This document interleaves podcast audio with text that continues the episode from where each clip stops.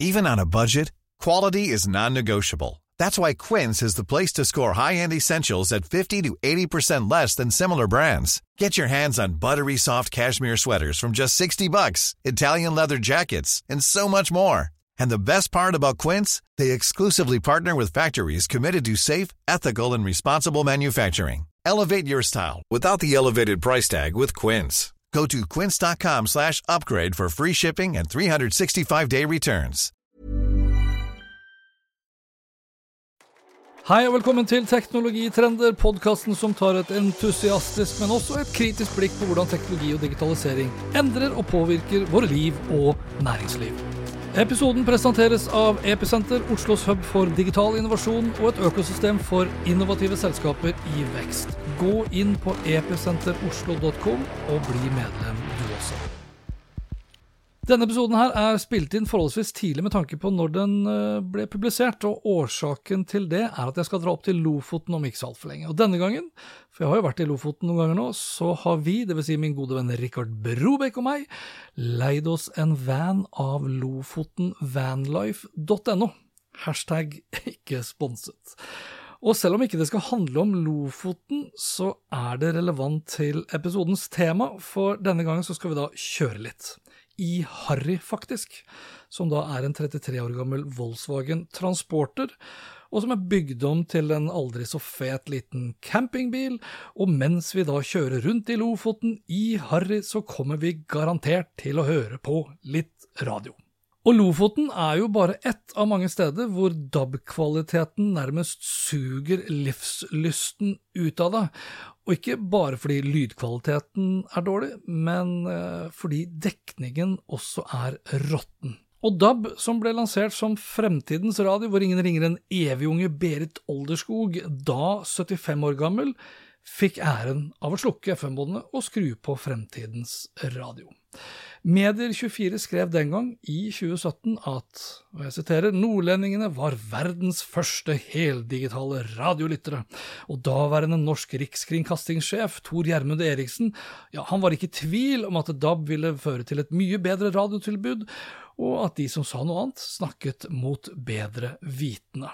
Elleve år tidligere, i 2006 altså, så lurte daværende leder for IKT Norge hvorfor DAB måtte tvangsinnføres hvis det tross alt var så bra. Og det tror jeg det er mange som lurer på den dag i dag.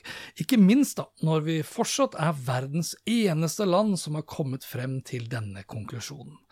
Nå skal det også legges til at kun kort tid etter at Berit Olderskog hadde skrudd på DAB-nettverket i Nord-Norge, ja, så begynte den samme DAB-mafiaen å flytte fokuset sitt til ny og bedre teknologi, nemlig til internett. Og det er jo veldig klokt, men hvorfor gjorde man ikke det med en gang? Hvorfor måtte vi svie over 20 milliarder kroner på DAB? Hvor bærekraftig og unødvendig vil det vise seg at den overgangen der var. Og hvis DAB virkelig var fremtiden for radio, burde ikke Berit Olderskog overlatt FM-slukkingen til noen litt yngre, om ikke annet for å skape litt mer tidsriktig symbolikk.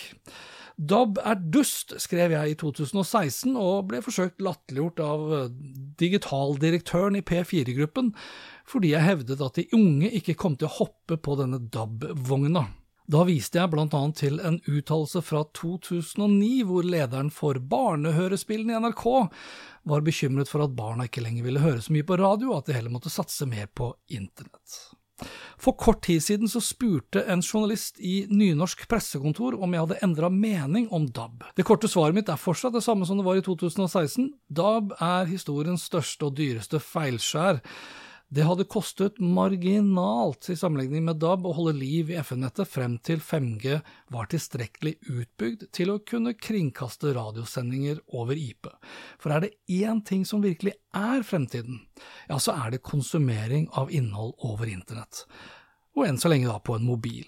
Seks år etter DAB-overgangen er det fortsatt ingen unge som ønsker seg DAB-radio verken til jul eller til bursdag. De vil fortsatt ha nye smarttelefoner, nye nettbrett eller nye laptoper.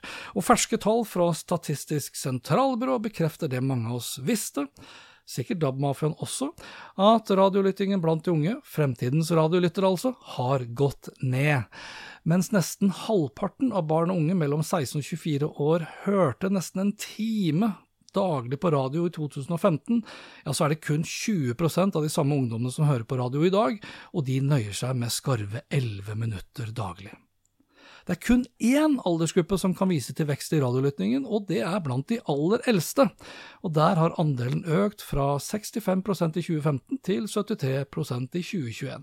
Og her finner vi da blant annet Berit Olderskog, fremtidens radiolyttere, der altså. Kantar presenterte nylig ferske tall for de unges medievaner, hvor radioens posisjon fortsetter sin fallende kurve som medium de unge bryr seg om.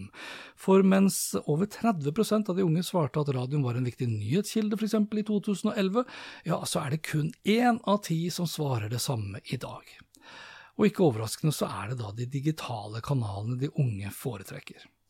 Jeg husker en av de første gangene jeg gjestet God morgen Norge.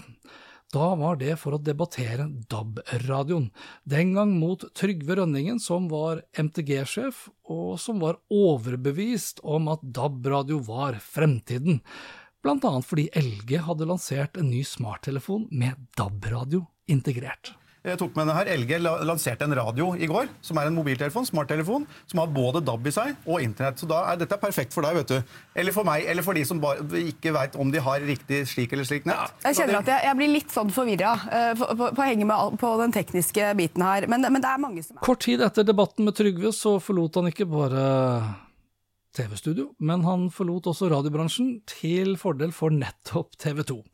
LG-telefonen med DAB-radio var bare en av mange smarttelefoner LG lanserte som aldri slo riktig godt an, og i 2021 tok like godt LG og la hele mobilsatsingen på hylla. Tilbake til Lofoten, så suger fortsatt DAB-dekningen, mens mobildekningen går så det suser, slik at Rikard og jeg kan høre på radio både lineært eller når vi har lyst på det, men da via mobiltelefonen, og det uten at det koster noe som helst, nå som samtlige mobiloperatører for lengst har lansert sine ubegrensa datapakkeabonnement, og det til ytterst få kroner, og ikke noe ekstra som sådan for å høre på radio og det lenge da før 5G-dekningen for øvrig er 100% på plass.